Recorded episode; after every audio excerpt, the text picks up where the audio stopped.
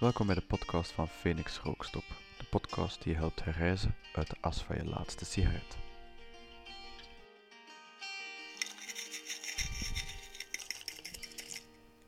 Welkom bij een nieuwe aflevering van de Phoenix Rookstop podcast. Stoppen met roken is één ding. En waar velen dan stoppen, wil ik graag aandacht besteden aan een volgende uitdagende fase.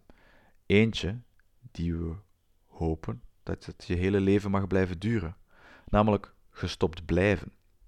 Wil dit zeggen dat je je hele leven aandachtig moet blijven? Ja en nee. Ik vergelijk het met leren autorijden.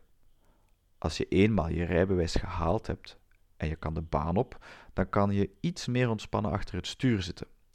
Naarmate je ervaring groeit, zullen veel processen rond het rijden zich verder automatiseren. Je kan meer dingen onbewust in je aandacht houden terwijl je rijdt. Het verkeer, de voetgangers, de borden lezen en misschien ondertussen naar de radio luisteren ook. Maar dit wil echter niet zeggen dat je nonchalant in het verkeer mag worden. Het is niet omdat je goed kan rijden dat je plots mag denken dat je een sms kan versturen van achter het stuur. Mensen overschatten ook steeds hun rijvaardigheid als ze bijvoorbeeld gedronken hebben. Zo gaat het op termijn ook voor de gestopte roker. Je moet nu niet langer op elke trigger vanuit je omgeving letten, maar je mag ook niet nonchalant worden. En daar wil ik het vandaag over hebben. Ik hoor het vaak in de praktijk als ik met rokers hun voorgaande stoppogingen exploreer. Ze vertellen hoe ze x aantal tijd rookvrij geweest zijn en dan stomweg hervallen zijn door één slippertje. Opnieuw, net zoals bij het autorijden, is maar één slippertje nodig om aanzienlijke schade aan te richten. In dit geval terug vasthangen aan de sigaret en aan het roken gaan. Maar waarom zou iemand die die geweldige stap gezet heeft om te stoppen, het in zijn hoofd halen om terug een sigaret op te steken? Ik heb het dus voor alle duidelijkheid niet per se over de pasgestopte roker die nog volop ontwenningsverschijnselen heeft. Die roker wil gewoon opnieuw een sigaret opsteken om de ontwenningsverschijnselen te doen stoppen. Ik heb het hier nu over mensen die al langer gestopt zijn, waarbij de ontwenningsverschijnselen al lang weggetrokken zijn en die toch plots hervallen in het roken. Vaak hebben deze hervalmomenten te maken met slapende honden die worden wakker gemaakt en een effect dat men in de sociale psychologie het Dunning-Kruger-effect heeft genoemd. Laat het me je uitleggen. Eén vorm van slapende honden die wakker worden, zijn mensen die opnieuw willen roken omdat ze in een situatie belanden die het brein onbewust sterk associeert met het roken en waar ze zich nog niet in bevonden hebben tijdens de gemotiveerde rookstop, of wat ik zou noemen de trainingsfase. Tijdens de gemotiveerde rookstoppoging ben je immers voorzichtig en zeer aandachtig over welke uitdagingen je aangaat. Dat zou je althans moeten zijn om van je rookstop een succes te maken als beginnende stopper. Ik verbied mijn cliënten niet om een glas alcohol te drinken. Maar ik zeg hen ook eerlijk dat ik niet verwacht dat ze mijn adviezen gaan opvolgen als ze gedronken hebben en, en een beetje beschonken op de dansvloer staan in het weekend. Hopelijk word je tijdens je rookstop ook niet geconfronteerd met al te heftige emoties. Dat wens ik ook geen enkele roker of ex-roker toe. Niet tijdens het stoppen, maar ook niet daarna.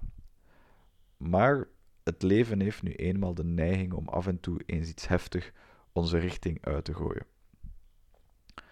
Dus ik heb het hier zowel over een staat van sterke positieve emoties, zoals wanneer je aan het uitgaan bent en je amuseert met vrienden, maar ook over sterke negatieve emoties, zoals een rouw of een verlieservaring. Maar ik heb het ook over een staat van veranderd bewustzijn. En voor degenen die het zich afvragen, ja, met dat laatste bedoel ik onder andere een staat van dronkenschap, waarbij dat je de wereld toch wat anders percipieert onder invloed. Maar waarom triggert een niet-alledaagse staat van ons brein, positief, negatief of gewoon anders, waarom triggert die zo sterk dat verlangen om te roken? Daarvoor moet ik jullie eerst wat meer vertellen over geheugenonderzoek en het principe van specifieke encodering. Geheugenonderzoekers hebben gevonden dat we onze dingen beter kunnen herinneren of ophalen uit het geheugen als we de condities hercreëren waarin we de zaken in de eerste plaats geleerd hebben. Deze condities kunnen te maken hebben met een gelijkaardige omgeving, een emotie dat we op het moment van leren hadden, of zelfs een geur die geassocieerd wordt met het moment van leren. Allemaal factoren die dit principe ondersteunen en zorgen dat specifieke herinneringen terug naar boven komen. Je kan dit principe van specifieke encodering in je voordeel gebruiken. Zo leidt men af uit de theorie, en bevestigd in onderzoek, dat je geluk hebt als je je examen aflegt in hetzelfde lokaal als waar dat je de informatie de eerste keer in je opnam. Daar gaan we vanuit dat je wel de eerste keer oplette of aanwezig was in de les. Je hebt gewoon een makkelijke herinnering aan de bewegingen van de leraar of de professor, de voorbeelden die hij of zij gaf, en daardoor komt het ook makkelijker terug naar boven tijdens het invullen van het examen. Het, het principe van specifieke encodering zou zelfs zo ver kunnen gaan dat als je tijdens het examen op dezelfde smaak van kauwgom koudt als tijdens het leren thuis, dat dit helpt bij het invullen van dat examen. Er is ook een keerzijde. Dit principe is ook actief en aanwezig bij traumatische of negatieve ervaringen. Denk bijvoorbeeld aan mensen die een onschuldige maar luide klap horen nadat ze al eens een ontploffing hebben meegemaakt. Die mensen duiken in elkaar en ze kunnen terug een gevoel van angst of benauwdheid voelen terwijl de klap in dit geval heel onschuldig was. Of pech voor jou als je hoopt een nieuwe date te versieren, maar toevallig, zonder dat jij het weet, heb je net dezelfde parfum op als haar ex waarmee ze zo lang in ruzie heeft gelegen. Je triggert al een ongemakkelijke herinnering bij je date nog voordat je een woord gezegd hebt.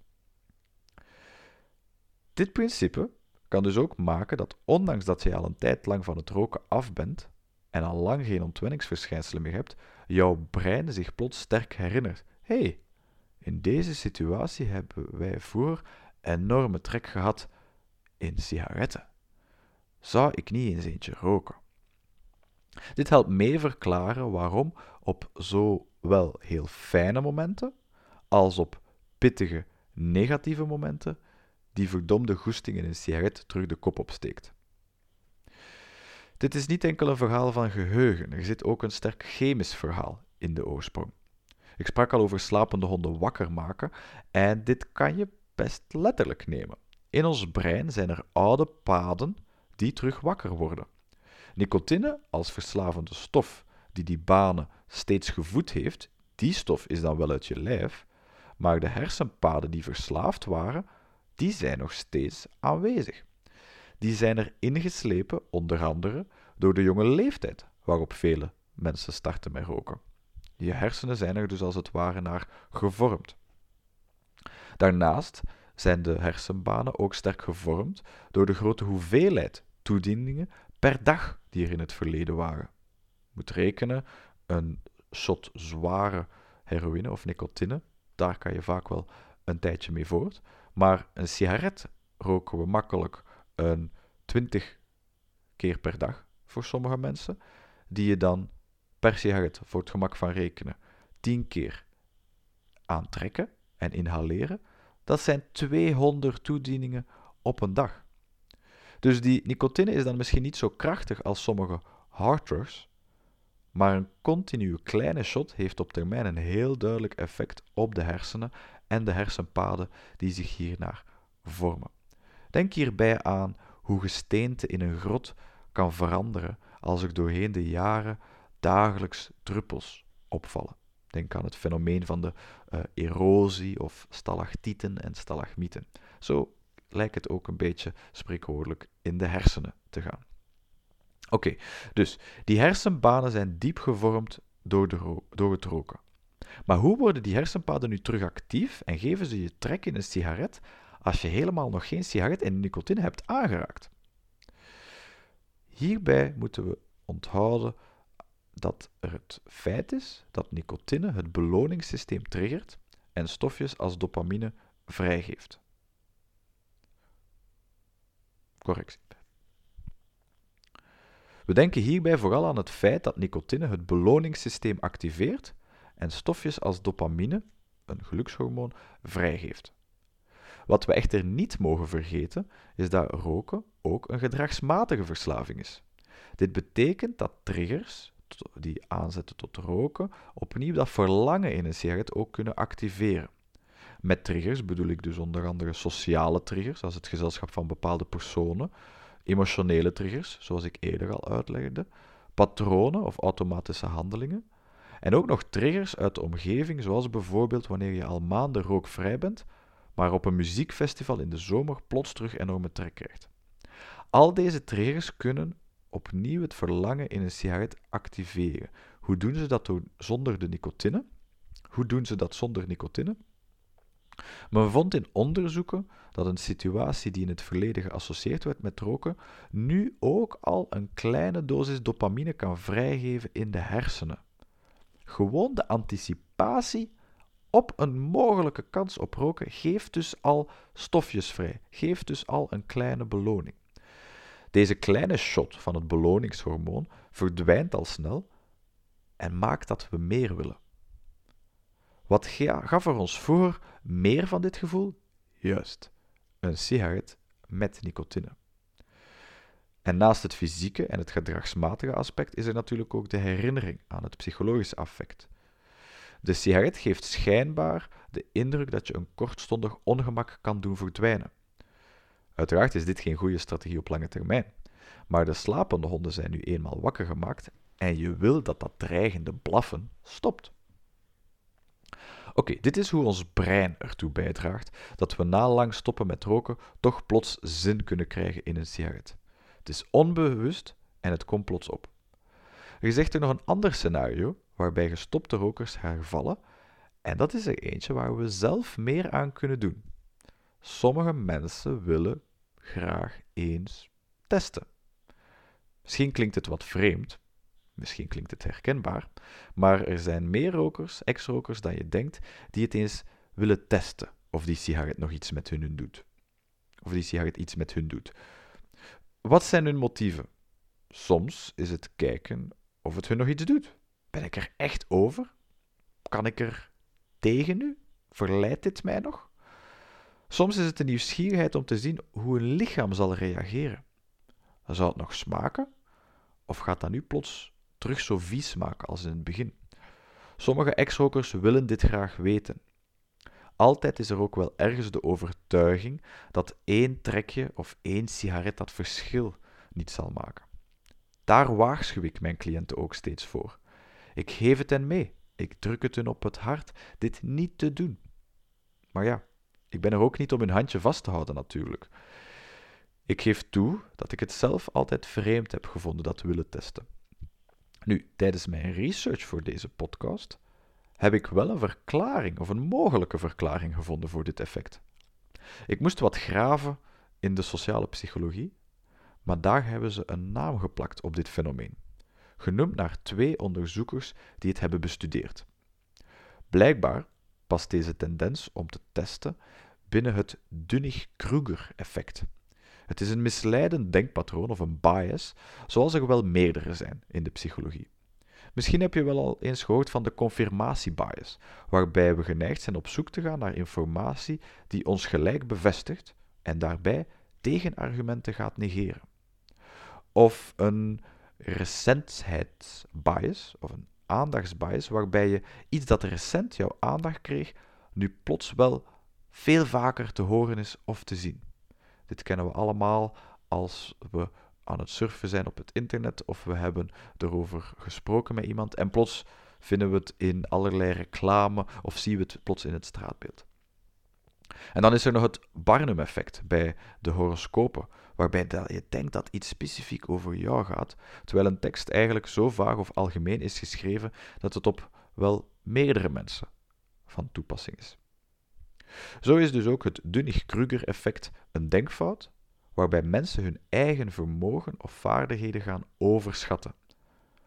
Zo geloven ex-rokers, die hier aan ten prooi vallen, dat ze deze ene test, dat ene trekje of de ene sigaret, dat dat hun niet zoveel zal doen. En dat ze het wel snel terug in de kiem zullen smoren. Helaas overschat een tal van ex-rokers schromelijk hun capaciteit om aan de verslavende mechanismen van de sigaret te weerstaan. Je kan het dus ook zien als een ongepast vertrouwen, misschien wel een tikkeltje hoogmoed. Merk op dat ik dit niet gebruik als een verwijt. Deze mensen zijn niet echt bewust overmoedig. Een bias of een denkfout is iets dat gebeurt in onze psyche, waar we onszelf vaak niet bewust van zijn. Maar hoe gaan we daar nu mee om? Hoe kan je als ex-roker jezelf hiertegen wapenen? Mijn eerste tip: leer over het onderwerp van verslaving. Leer de mechanismen erachter kennen. En daarvoor zit je hier wel goed bij deze podcast. In aflevering 2 hadden we het zo bijvoorbeeld al over dat de rookverslaving is zoals een hydra met meerdere hoofden. Voldoende kennis van verslavingsmechanismen van de sigaret maken je minder blind voor valkuilen, zoals het Dunning-Kruger-effect of het principe van de specifieke encodering, waarmee ik de aflevering begon. Ten tweede, blijf oefenen om dit te overwinnen. Rookstop is een leerproces. En terwijl je het van de eerste keer goed wil hebben, vraagt het soms een falen om te kunnen leren. Het is niet erg om eens tegen de muur te lopen, als je er maar van leert. Hierover maak ik later sowieso ook nog afleveringen in de podcast. Volgende tip. Zet een stap achteruit en evalueer de situatie. Is dit het goede moment? Ben ik nu in staat goed te oordelen of deze sigaret een goed idee is?